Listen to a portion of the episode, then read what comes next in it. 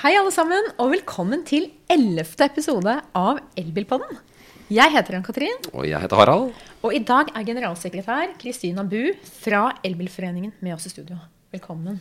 Takk for det. Veldig hyggelig. Ja, og jeg lurer på, altså så var det sånn, først og fremst, hva er Norsk Elbilforening egentlig? Altså, og hva er de viktigste sakene dere jobber med? Vi er jo en organisasjon for eh, de som eier elbil, eller er veldig interessert i elbil. Eh, ja, og som, eh, som eh, Også for de som kanskje lurer på å kjøpe. Så vi representerer over 50 000 elbileiere i, Norge.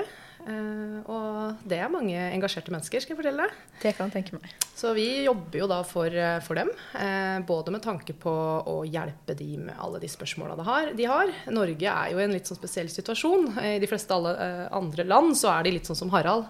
De er litt sånn early adopters, litt sånn geeks. Det er ingeniørene som har kjøpt elbil. Ja.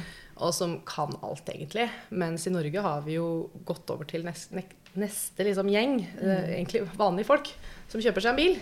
Og de har veldig mye spørsmål, spesielt knytta til lading. Eh, og det er jo ting vi kan hjelpe dem med. Eh, og i tillegg til at vi gir de gode medlemsfordeler. Og så har vi selvfølgelig en veldig viktig oppgave når det gjelder å jobbe politisk. Eh, for vi jobber jo for en sak.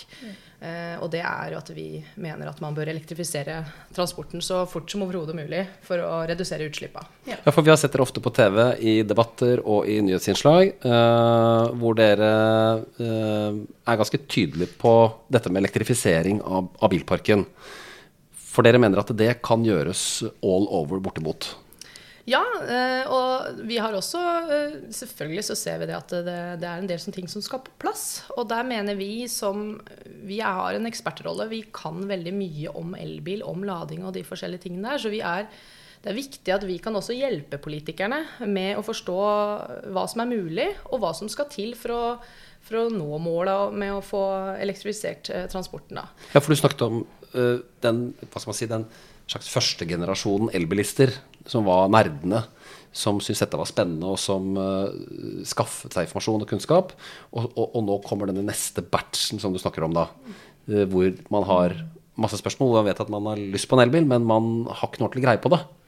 Og her, så det er her veldig mye spørsmål ligger, ikke sant? Ja, og, og det er nok sånn at f.eks. når man kjøper en ny elbil, så, så er det jo veldig mye med den bilen og sånn, og så er det kanskje bare kanskje noen eh, uker etterpå at man skal prøve en hurtiglader for første gang, f.eks. Uh, og da er det fort gjort at de, de ringer oss og hvordan er det nå egentlig dette fungerer. Eller man skal ha en eh, ladeboks hjemme og man lurer noe på det. Eller, eller man lurer på hvordan er egentlig parkeringsreglene der hvor jeg bor. Eller det det er egentlig et, et veldig, veldig begynner å bli et bredt felt, da, det med elbil òg. Så det, det er viktig. Eh, Men like fullt så er vi også en rådgiver for eh, for samfunnet rundt oss. For det, den elbilutviklinga vi har sett i Norge, nå begynner det å bli litt sånn vanlig. Men det har jo skjedd veldig, veldig raskt. Eh, husk på det at de siste fem årene altså, så har vi gått fra en markedsandel, altså andel nye biler solgt, på 3% for elbil, til i fjor på 21 Ja, Mm. og det er jo veldig veldig raskt. Eh, og da er det sånn at eh, myndighetspersoner, politikere, ja, folk flest egentlig også rundt oss har mange spørsmål. Eh, og det, det bistår vi mye med. Så vi er mye i dialog med det offentlige Norge også, med, med tanke på å, å komme på ja, utvikle nytt regelverk, lovverk. Ja. Og også ikke minst planlegge for den kraftige opptrappinga vi skal ha. F.eks. Eh, hvordan skal ladeinfrastrukturen se ut f.eks. i 2025, Ja. når alle kjøper elbil. Hva er de, og for å ta det med ladeinfrastruktur med en gang, hva er de største utfordringene på dette med infrastruktur? Vi har Tesla superladere, det er liksom, alle kan ikke gjøre det. Og hva er den svære utfordringen der, når vi da, hvis de da skal selges nullutslipps kun i 2025? Den store utfordringen er jo volum. Hvis vi har en jevn opptrapping fram til 2025, så kommer vi til å ha over en million elbiler eh, i 2025. Eh, og de skal jo reise på hytta og på langtur, så hurtiglading er den ene utfordringa. Hvordan skal vi bygge ut og planlegge for en såpass eh, hva skal vi si, stor infrastruktur. Eh, vi tror ikke, og mener heller ikke, at det offentlige skal ta hele den kostnaden. Eh, det er mange private aktører som er interessert i å investere i dette her. det som er ut, den største utfordringen knytta til urtelading, er nok eh, hva skal vi si, helgeutfart og påske og sånne Ja. ting. Når veldig mange skal kanskje lade på, på en gang. Det er en utfordring vi må se på. Og den andre tingen er jo da lading, hjemmelading, og spesielt hjemmelading i by, sånn som i Oslo f.eks., hvor 70% bor i leilighetsbygg. Eh, og man må planlegge dette sammen med hele borettslaget sitt eller sameiet sitt. Eh, og da snakker man fort om ganske store kostnader òg. og det har vi også en egen rådgivningstjeneste på, at vi hjelper borettslag og sameier med, med hvordan de skal bygge ut denne infrastrukturen. Fordi mange, som, mange av de som bor i, i blokk og i borettslag, de eh, eh, enten så er det et eh, engasjement for dette, eller så er det ofte mye lugging og mye uenigheter, og med styremøter og jeg vet ikke hva. Eh, og så kommer det nye regler på dette også, ikke sant? For nybygg og alt mulig sånt noe. Ja, og det er jo- Klarer, vi- å få til lading i borettslag i Ja, årene ja, vi gjør det. Og det er klart at disse reglene er jo også noe vi har jobba veldig mye med politisk. eh, Og det er eh, noe vi, vi har sett at det har vært veldig behov for. Det som er gledelig, er at eh, vi har jo alltid fått veldig mange henvendelser på dette. Og, men henvendelsene har endra seg ganske så mye de siste to-tre åra. Fra å være en eller annen litt sånn litt, eh, person som er litt lei seg, som har lyst til å kjøpe seg elbil, ha- eller har faktisk kjøpt en, og som på en måte har et styre som ikke forstår, forskjønner hvorfor det, vi skal gjøre dette her, til at nå er det styrene i borettslagene og sameiene som spør oss om hjelp.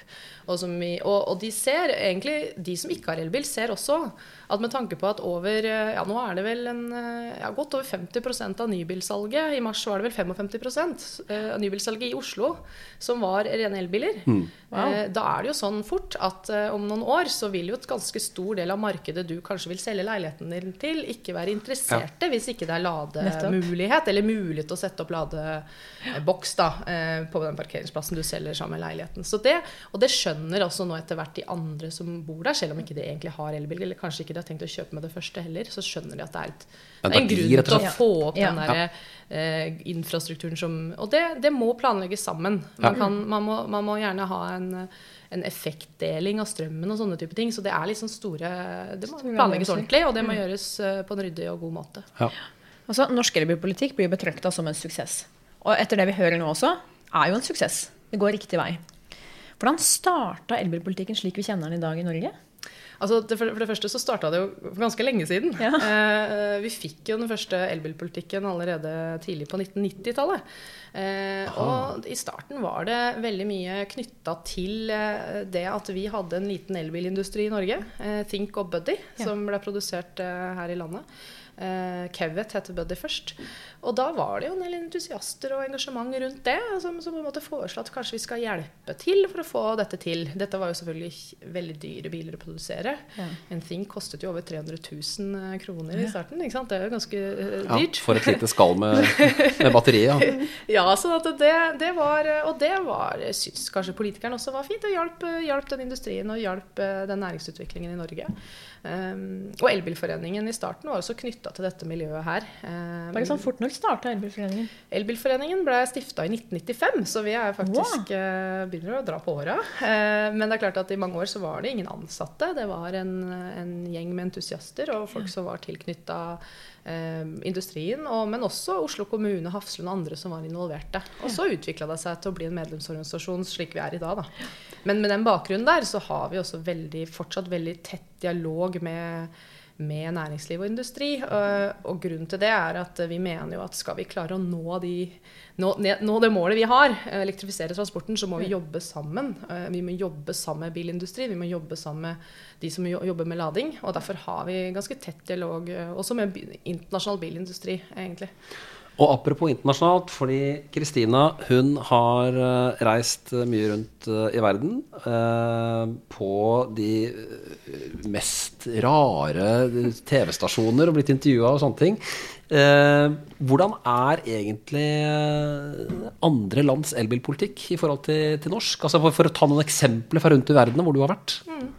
For det første så er det jo bare for å si det først, så er det jo utrolig spennende hva som skjer internasjonalt, og hvilken rolle Norge har oppi det. Vi, vi inspirerer hele verden til å følge etter, og, og vi utfordrer f.eks. bilindustrien kraftig, og det vet vi. Eh, I Elbilforeningen så er det jo sånn at vi i all hovedsak får veldig mye besøk til oss. Eh, og vi har flere internasjonale besøk i uka. Det er da sånn som denne uken, så har jeg bl.a. Uh, snakket uh, for uh, en bilprodusent, internasjonal bilprodusent. Jeg skal ha to til neste uke. vi har snakket for store selskaper som planlegger å gå inn på lademarkedet i Norge. Vi får mange journalister på besøk, men også politikere. På tirsdag for eksempel, så holdt jeg foredrag for en, en, stor delegasjon med politikere fra England, fra House of Commons. Oh. Og de kom jo da selvfølgelig for å, for å, for å de, de sitter og tenker OK, Norge får dette til. Hva, da, vi bør jo kunne få til noe i nærheten, vi også. Ja, for, for, det er sånn at Andre land vil gjerne, de også. Ja, det er klart de vil. Og, og så skjønner de ikke hvordan vi får det til, og ikke de får det til. Ja, eller de tenker at uh, fader, kanskje vi må ta, ta i bruk noen mm. uh, flere ja. virkemidler, vi òg. Sånn og det ser vi nå, at land etter land begynner å innføre og lære Kanskje ikke akkurat det samme som Norge, men ta, gjøre sine grep for å få, få, få dette til. Det, så det skjer egentlig verden over, må jeg si.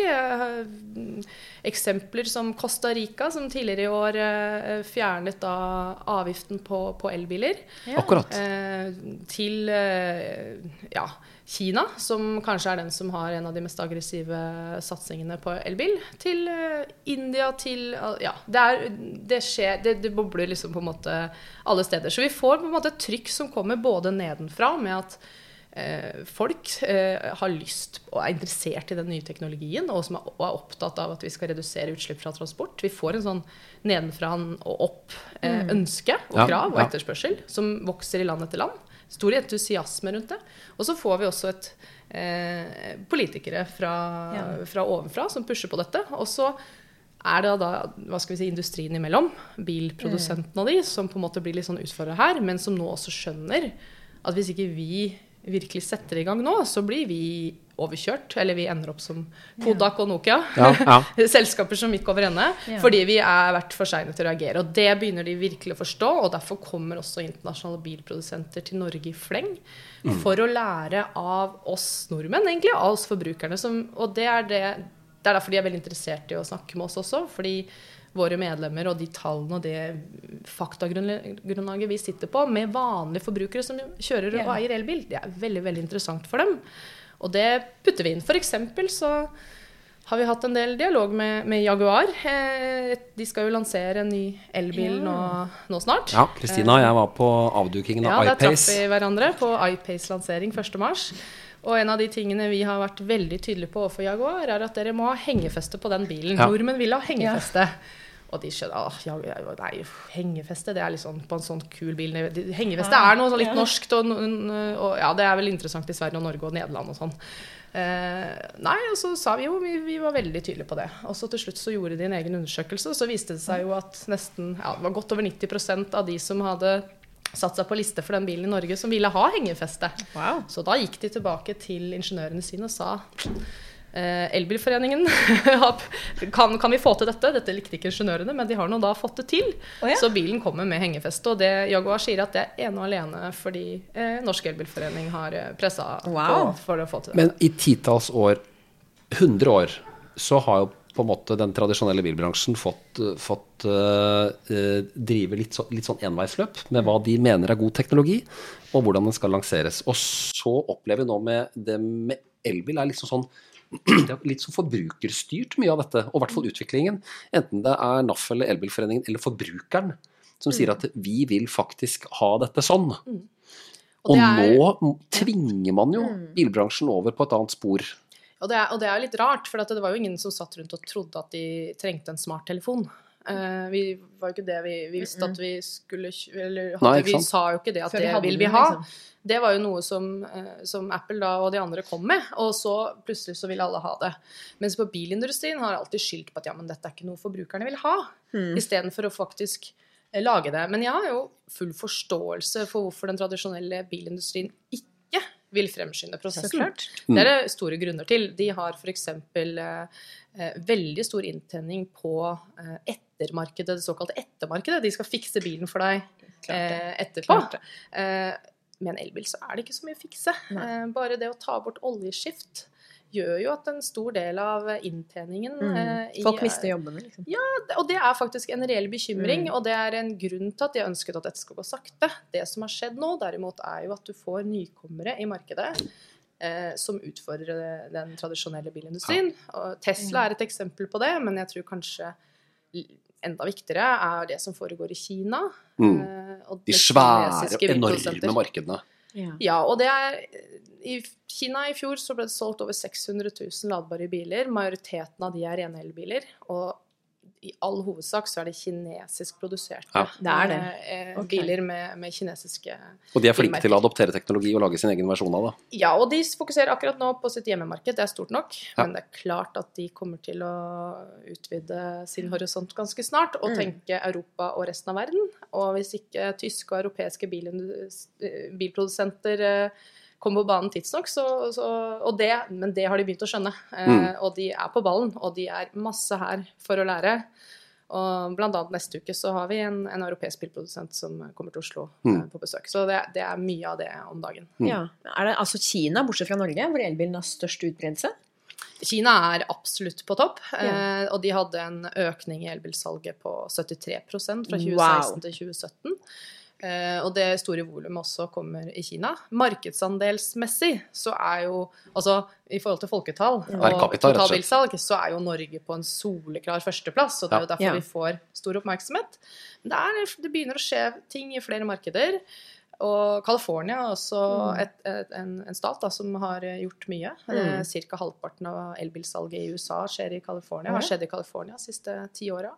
Um, og så har man uh, flere og flere land som på en måte har kommet med initiativ og som gjør dette her. Og vi ser jo i land etter land at de egentlig følger samme utvikling som Norge har gjort, bare at de ligger et stykke bak volummessig. Men er det da en eller annen form for avgiftsfordel, altså en eller annen form for uh, økonomisk vri, for å, få, for å gjøre elbil mer attraktivt? Er det andre land også bruker? Absolutt. Ja. Eh, og så er jo vi i en særstilling i Norge fordi vi har en lang tradisjon for å avgiftsbelegge biler høyt. Vi Mm. har høye bilavgifter på bil. Så sånn sett så er vi litt heldige, da. Fordi at ved å fjerne de avgiftene, så får man et, et veldig godt konkurranseforhold for eh, nullutslippsbilene, elbiler og hydrogenbiler. Mm. Men, men eh, det er mange land som har subsidier. Eh, Kina, nei, eh, Tyskland, Frankrike, eh, Sverige så har de også det. Eh, Kina har en litt annen vri. De, eh, de stiller et krav for de bilprodusentene som vil selge bil i Kina. Så må de en viss andel av bilsalget være elbil, og det kravet øker år for år. De har en opptrappingsplan oh, ja. framover. Så Kina er det vel kanskje det som skremmer mest eh, Mm. de tradisjonelle bilprodusentene. De har Mm. nødt de til å begynne å lage elbiler hvis de skal ha en fot innenfor det store markedet som Kina er. Så, Ja. Men, eh, men, eh, men eh, for eksempel, jeg nevnte, jeg nevnte Costa Rica, men eksempel i Øst-Europa så er jo Ukraina et land som har fjernet avgiftene. Ukraina har Ja. avgiftsfordeler. Ja, så Ukraina, Vi hadde besøk vi har hatt litt besøk fra Ukraina og ukrainske politikere. Bl.a. en politiker som har vært gjennom og kjempa gjennom det i parlamentet der, og få fordel for elbil. Så Ukraina er liksom eh, Øst-Europas eh, Norge, da, men når det gjelder Ja. elbilsalg, og, og veldig ivrige. Eh, New Zealand, eh, de hadde en, en økning i elbilsalget på 140% fra 2016 til 2017. Wow. Det var kjempestor eh, engasjement der. Så det skjer liksom, liksom verden over. Eh, og, og oppmerksomheten, oppmerksomheten bare øker og øker. Så Mm. det, det er jo veldig positivt med tanke på utviklingen videre. Jeg tror dette er liksom på en måte et, en snøball som, som nå absolutt ikke kommer til å slutte å rulle. Men hvilke land nå, sånn i, eh, som, vi, la, la oss si, som vi kan sammenligne oss med, er, ligger lengst bak? Det er jo eh, en del av de eh, hva skal si, afrikanske landene, er Sør-Amerika ja, og en del asiatiske land som, hvor det på en måte vi ikke har noe elbilsalg. Mm. Eh, men, eh, men eh, interessen kommer derfra også, Mm. absolutt. Og, nå, og også når det gjelder elektriske busser, så er det jo f.eks. flere søramerikanske byer som allerede har begynt å ta i, ta i bruk elektriske busser. Ja. Og så er det også sånn at eh, når det gjelder elbil, så er det også en litt ny næringsretta muligheter for en del land. F.eks. Chile. Eh, energiministeren i Chile var, var på besøk i Norge i Oslo i fjor. Eh, og for Chile er det kjempemuligheter. De har mye kopper, som er Mm. viktig i elmotoren. Mm. Og så har de jo litium og store litiumreserver. Som, batterier, ja. Som kan være ja, en veldig stor mulighet for Chile. Så det, det skjer mange ting knytta til dette. Og, og ikke minst også da knytta til batteriproduksjon, og kanskje, som, kanskje et område hvor Europa har vært litt treige. Og vi virkelig bør sette i gang og få også batterifabrikker til Europa. Eh, Mm. Det er jo i all, veldig stor grad Kina og til dels USA hvor vi har eh, noe særlig batteriproduksjon. Ja. Men hva med de nordiske vennene våre, da? Altså Sverige og Danmark. Hvorfor er det færre elbiler der? Nei, altså, Det er jo samme grunn som andre steder. De, eh, bortsett fra i Danmark, da, hvor de også har høye bilavgifter. Ja. Eh, nå er det riktignok sånn at det begynner virkelig å bevege seg i, eh, i Sverige. Eh, og Island er det virkelig begynt å ta seg opp. Island! Ja. Der, det kom elbiler på Island. Der er det mye. Der, det er faktisk et, rett et, altså I Norden så er det Island Faktisk i Europa så ligger vel Island tettest opp til Norge når det gjelder elbilsalg, men de er jo færre mennesker. Men Sverige er jo, Sverige er jo litt misunnelig på Norge. Ikke sant? For de Ja, har jo det har vi jo skjønt. sånn-. Ja, for de har vært litt sånn Å, vi er miljølandet nummer én. Ja, Så, ja. så har dette her skjedd liksom i Norge, og så har det ikke helt Så jeg tror de egentlig syns det er skikkelig irriterende. Vi rappa førsteplassen. Ja, og det tror jeg altså, er litt av, kanskje litt av grunnen, jeg gjetter det, at, at eh, 1. juli i år så altså, Sverige har jo alltid hatt sin egen bilindustri, så de har ikke noe tradisjon for noe særlig bilavgifter. De har fordonsskatten som man Ja. betaler på årlig basis. Ja. Akkurat. Men 1. juli i år så innfører de noe helt nytt, eh, et såkalt bonus-malus-system. Så det malus det er da en ekstra avgift på forurensende biler.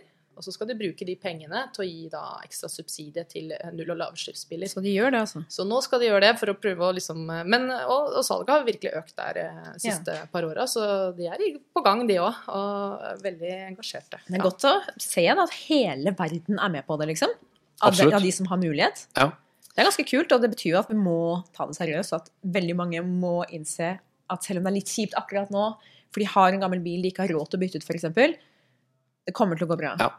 Alle er med på det. Men, men tilbake til det, jeg er litt uh, keen på å vite hva, hva er den utenlandske journalisten liksom spør om når hun kommer her og så ser vi Vi har sett noen sånne uh, vlogger fra Norge på YouTube. Uh, en amerikaner som går rundt og liksom er helt stoka Ja. over alle bilene med E-skilter og lades, kommunale ladepunkter. Hva er det du sier til journalister når de liksom, liksom kommer her til byen og er landet og er liksom blown away av alt tilretteleggingen og alle elbilene? Det, det kommer jo veldig mange fra verden rundt, egentlig. Eh, ja, Filippinene fra Altså, jeg bare Det er så mange som er interessert i dette her, og de, de klør seg litt i hodet. For det første så er det sånn Hva er det som egentlig skjer der oppe i Norge? Mm. Og det er kaldt der, og hva er det egentlig Så de har jo veldig ofte kanskje ikke noe særlig kompetanse på det i det hele tatt. Um, men det som er litt morsomt, er at det er stort sett de samme spørsmålene alle kommer med, så man, man trenger liksom ikke forberede seg noe særlig på de intervjuene der. Men, men uh, det er klart at det, hva, hva er den politikken, og hvordan Altså alle disse tingene her lurer de Mm. på. Og så er det ett spørsmål de alltid stiller, mer eller mindre, i hvert fall 90% av de, er ja, men Norge som produserer olje, Ja, så klart. hvordan henger det sammen med eh, den elbilpolitikken? Hvordan er det politikerne Hvorfor, har dere, hvorfor gjør dere det sånn? De har gjort hjemme- hjemmeleksa si. Ja, og det syns de er veldig rart, alle sammen. Men da må jo jeg svare at for det første så tror jeg det var jo aldri noen stor big masterplan bak den elbilpolitikken vi begynte å innføre på 1990-tallet. Jeg tror ikke det var så mange politikere eller Finansdepartementet eller noe noen andre som, som tenkte at dette skulle ta av på den måten det har gjort, og at Norge om Mm. noen år skulle være liksom elbillandet nummer én. Det har jo happened eh, litt, altså det er litt sånn overraskende, på en måte. Og det er ikke sikkert vi hadde fått det til i dag. Men jeg tror at en del av suksessfaktoren har vært at det har vært ganske stor enighet i Norge. Mm. Eh, NAF har støttet det. Eh, Elbilforeningen jobber for det. Vi har miljøorganisasjoner med oss. Politikere fra venstre til høyre har liksom stort sett Mm. vært enige om at dette er noe bra. Ja. Eh, og det tror jeg har vært en del av suksessen. Mm. Og når det gjelder oljeproduksjonen, så pleier jeg også å si det at eh, vi, altså, norske politikere og norske regjeringen har jo absolutt et fokus på hva er det vi skal leve av i neste runde. Nettopp. Eh, når oljeproduksjon kanskje ikke er det primære lenger. Da, da er det kanskje greit å satse på noe litt annet òg. Og vi har hatt en ganske stor stake i en produksjon, en industri i oljesektoren, eh, som nå er på vei ned. Kanskje vi skal ha en liten del av eh, det nye som kommer opp, og der tror jeg eh, Elektrisk transport er absolutt et område Norge kan ta stor del i, og vi gjør det jo spesielt innen shipping, eller båt og ferjer Ja. og skip. Da. Ja, vi har jo elferjer allerede. eh, Men eh, Kristina Bu, eh, i Elbilforeningen, blir hver eneste bil i Norge elektrisk om noen år? Hvis vi Ja. ser bort fra veteranbiler og Ja, for jeg syns faktisk folk skal få lov til å kjøre den veteranbilen en gang Ja. på så det er greit å ha en veteranbil på en Ja, jeg, jeg syns vi ikke kan bli helt katolske Nei. Men, men eh, norske Stortinget har satt et, eh, et ambisiøst mål. Et mål som også fikk veldig stor oppmerksomhet internasjonalt når, de, når det kom. De vedtok i forbindelse med Nasjonal transportplan, da, som Stortinget har, har bestemt, bestemt i juni i fjor, at fra 2025 så skal vi kun selge nullutslippsbiler i Norge. Både personbil og varebiler. Eh, Det er et ambisiøst mål. Det er om sju år. Eh, og det betyr at fra da så, så, så er det det som gjelder. Og så er det ikke det en et, eh, Det er på en måte ikke det er ikke sagt at vi skal forby bensin- og dieselbiler. Jeg tror ikke heller det er nødvendig. Jeg tror folk flest er klare for å kjøpe elbil. Ja. Så sant vi bare sikrer en del ting, nemlig at eh, de fortsatt har en konkurransedyktig pris. Mm. At vi har ikke minst bilprodusenter som kommer med de modellene vi etterspør og vil ha. Infrastruktur. Og, og ikke minst ladeinfrastrukturen. Og Mm. der er nok kanskje det området vi jobber mest med nå, å få politikerne til å se faktisk det, hvor stort det behovet blir, da, og at vi må planlegge for det. Fordi av de eh, De er kanskje ikke så mange, men de er veldig tydelige av grinebiterne på Facebook. eh, og andre sosiale medier. Der sa du det, det. det er noen år igjen å, å kunne overbevise dem om at er faktisk sånn, det er den veien det går. De grinebiterne, de, de kommer, de òg, vet du. De, er, de, eh, de gir seg til slutt. Og jeg kjenner mange grinebittere som til slutt kjøper seg elbil, og så innrømmer at de syns egentlig det var ganske stas. Og så syns jeg de skal få lov til å Grine ha litt. veteranbilen sin Ja. eh, stående. Det, det er ingen som trenger ikke Det er ikke det, det som er det stor, har så stor betydning for utslippene våre. Eh, og elbiler er jo noe folk syns er gøy. Det er jo gadgets. Altså det er jo en datamaskin på hjul, og dette er noe folk Det er jo noen som ikke vil ha smarttelefon nå, men de aller fleste har jo gått over til det. Pluss at jeg tenker de må få lov å grine litt også. Bli litt engasjert. Jeg skjønner det, selv om jeg ikke er enig, da. Ja, Så kan jeg skjønne det, for det blir så personlig. Man føler at det her går rett inn i min hverdag. Og folk er Jeg skal ikke banne, jeg banner hele tida. Folk er veldig blir veldig engasjert. Og det skjønner jeg jo. De kjører til jobb, de er vant til å bruke bilen sin. Og så blir det dødsstyrt. Klart det er irriterende. Selv om det er til det beste for samfunnet vårt og verden som en helhet, som man burde tenke på, så skjønner jeg det. Men apropos familie nettopp derfor, eh, som vi spør de fleste gjestene her, når kommer den rimelige, litt store familiebilen, tror du, Kristina Bu? Ja, vi må nok eh, vente litt til. Det skjer heldigvis mye, og det som kanskje er høyest på agendaen hos bilprodusenter nå, er jo SUV-er som Altså elektriske SUV-er. Det er jo det som kommer en del av. Dessverre så er det sånn at de begynner liksom i premiemarkedet. Ja, de dyreste bilene. Sett, ja. Mm. Så nå, nå kommer jo da Audi og Jaguar f.eks. i år med, med SUV. Eh, Men så har man jo da et unntak, da. Hyundai som kommer med en liten SUV. Det er ikke firehjulstrekk, men den kommer jo, blir også lansert i år. Og der er det jo 18 000 nordmenn som har satt seg på en Oi. interessant Hyundai liste. Kona, altså. Hyundai Kona, ja. Mm. Eh, men eh, det er mye planer framover, og når vi begynner å komme til sånn 2020 og sånn, så begynner vi å se at det, iallfall de planene som ligger, at eh, vi begynner å få mer konkurransedyktige priser og mer hva skal vi si, vanlige modeller også. Da er elpassaten der. Ja, eh, det er jo stasjons... Altså det er jo I, i det internasjonale bilsammenheng så er det jo liksom Stasjonsvogn er jo ikke så, så hot lenger. det er også noe særnorsk. Ja, det er litt rann så så det er liksom Det er nok ikke Det er ikke stasjonsvogn som er øverst på prioriteringslista, men jeg vet at mange nordmenn ønsker seg den der Skoda Octavian eh, som, som L. Men det kan nok eh, hende at vi får det etter hvert, og jeg håper det, da. Eh, ja, for jeg hører for, det, det er mye venting på den store bilen. tenker jeg. Hvorfor trenger du så svær bil? Ja, det er Jeg, sånn, det er, jeg skjønner hvis man faktisk har en kjempefamilie da, med masse barn.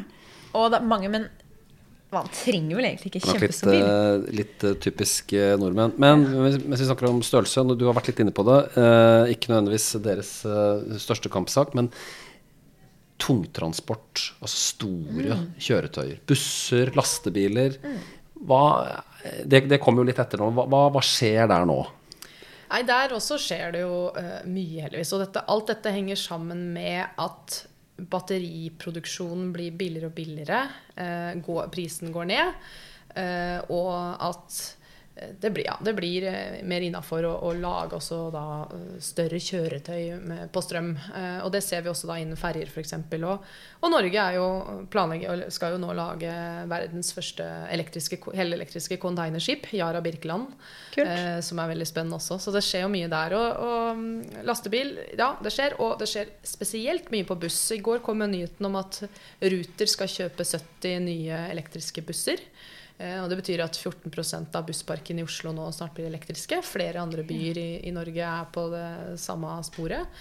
Og tungtransporten kommer også. Det er nok i all hovedsak i starten på mer eh, hva skal vi si, eh, varelevering og litt altså på kjøretøy som har mine, altså korte avstander. Eh, og så får vi se da hvordan vi får eh, opp, opp dette med ladeinfrastruktur fra tungtransport. Altså det er en liten vei å gå før vi kan kjøre all tungtransporten på strøm. Eh, og så kan det også være at det er eh, ok at hydrogen spiller en rolle i, Ja. i den sammenheng. da. Men altså, vi prøver å slå i hjel myter i den podkasten. Eh, så har vi litt sånn myte-fakta-spørsmål. Og nå lurer jeg på, dette har vi spurt om før. Ja, det har vi. Eh, vi får ulike svar. Ja, litt. I samme tråd. Ja. Så jeg er veldig spent på hva, hva du mener. For en av mytene det er at elbilen sånn totalt sett, inklusiv produksjon med batteri osv., ikke er miljøvennlig. At totalen er den er ikke miljøvennlig. Og dette argumentet ser vi også ganske ofte bli brukt i, debattene på Facebook-kommentarfeltet. Hva tenker du om den påstanden? Altså Det er jo egentlig bare et veldig enkelt svar på det, at det er en myte. Eh, og det er ikke riktig. Nei. Så det er det enkle, korte svaret. Altså en elbil er, kommer mye bedre ut miljømessig enn en bensin-dieselbil. Og så er det det litt mer lengre svaret. Og at det svaret er, vil variere basert på hvordan du setter opp dette regnestykket, og hva slags faktorer du legger inn. Eh, det er et annet svar i Norge enn det er i f.eks. Tyskland. Nettopp. Eh, Men selv eh, grundige analyser som tar eh, ikke Norge som utgangspunkt, men USA eller f.eks. EU, og tar da energimiksen f.eks. EU, eh, og legger den til grunn, og, og vurderer dette grundig. Som er både kullkraft og Som er del- hele miksen da, Ja. på energi totalt. Ja. Så, så kommer elbilen best ut. Ja. Så kommer den bedre ut jo mer fornybar energiproduksjon du har. Og jeg pleier ofte da å si at vi kan ikke sitte rundt i verden og vente, tror jeg, til vi har 100% fornybar elektrisitetsproduksjon før vi begynner å produsere de produktene og kjøretøyene som kan bruke fornybar energi. Vi må la den utviklingen skje parallelt. Eh, og så er allerede regnestykket bedre, og så må vi jo heller ikke glemme, på lokal, glemme lokal luftforurensning. Og det tror jeg er en av grunnene til at denne utviklingen nå pushes veldig f.eks. i India og Kina. Ja. Jeg var selv invitert Jeg var i New Delhi i desember. Eh, og da fikk jeg faktisk Jeg har ikke allergi eller noen ting, men jeg, det var så forurensa i Delhi at jeg faktisk følte meg dårlig etter å ha vært ute i byen en litt, noen timer. Eh, og det er jo en økende aggresjon også i Kina med den dårlige lufta. Ja. Ja, For dette er helt Det er ekstremt ekstremt forurensa. Det, er, eh, det, er, det, er, det er vanskelig for oss nordmenn å, å egentlig forstå hvor ille det er. Så, så det er mange andre grunner òg. Men selv på klima, klimaregnskapet, så er elbilen bedre. Og det er jo fordi at elmotoren er såpass effektiv som den er. Eh, I motsetning til da den konvensjonelle motoren, bensin-dieselmotoren, som egentlig er ganske ueffektiv. Ja. Eh, Så veldig mye av den energien man bruker, det går bort i varme og sånne ting. Og så tror jeg vi, vi kan slå igjen en myte til når vi har en såpass eh, med internasjonal kunnskap her. Og det er at eh, ingen andre land i verden eh, snakker om og vil ha elbil. Det er bare tull. Det er bare tull, og det er også bare tull at altså, Og det har bilprosenten skjønt også, for å si det sånn. Så, Ja. så, så det, det går nok bare raskere framover. Og hvis man tenker litt tilbake for hvordan det var f.eks. For, for fem år siden i Norge, så tror jeg ingen hadde klart å se for seg at vi fem år etter var i den situasjonen vi er nå. Nei, ikke sant. Eh, hvor eh, vi nå har eh, mange av byene i Norge og kommunene i Norge har en andel elbiler på veien som da er over 10 eh, Altså 10% av Det er vel eh, godt over 10 av bilene som ruller nå i Bergen f.eks., er, er eh, elbiler. Eh, Ja. Så det er fort, fort det går. Og vi ser også at folk flest Vi har undersøkelser på det. Vi, har, vi gjør jo da en, en årlig undersøkelse som heter Elbilbarometeret. En sånn befolkningsundersøkelse sammen med Opinion. Og den viser jo da, sist vi gjorde den i, nå i januar, viser jo at nord, nordmenn er jo klare, de. De vil kjøpe elbil. Ja. Men de har noe, det er noen spørsmål og noen barrierer, og det går jo da på rekkevidde og ladeinfrastruktur og sånne ting. Og da må vi jo løse det. Og man skal ikke skylde på at ikke forbrukerne er klare. De sitter klare, og etterspørselen er der. Og det ser vi også nå på de nye modellene som, som er i ferd og skal lanseres.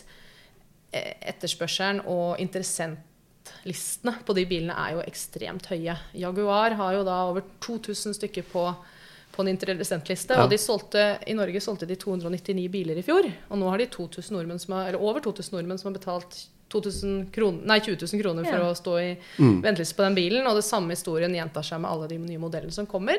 Så akkurat nå så er det egentlig den største utfordringen eh, at etterspørselen etter elbil langt overgår tilbudet. Ja.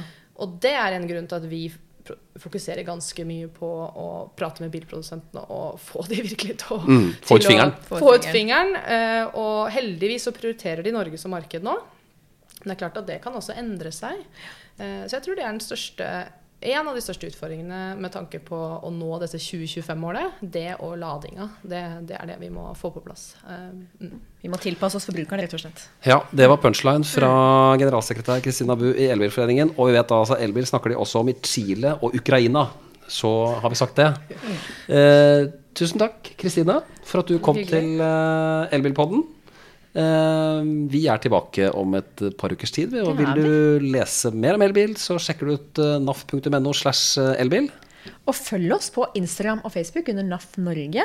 Og har du spørsmål, så kan du stille oss et spørsmål på elbil.krøllalfa.naf.no. Og så eh, takk for oss. Takk, Takk for for at du kom. Takk Og for så at du inviterte meg. Jo. Og så høres vi igjen eh, etter hvert. Det gjør vi. Ha det.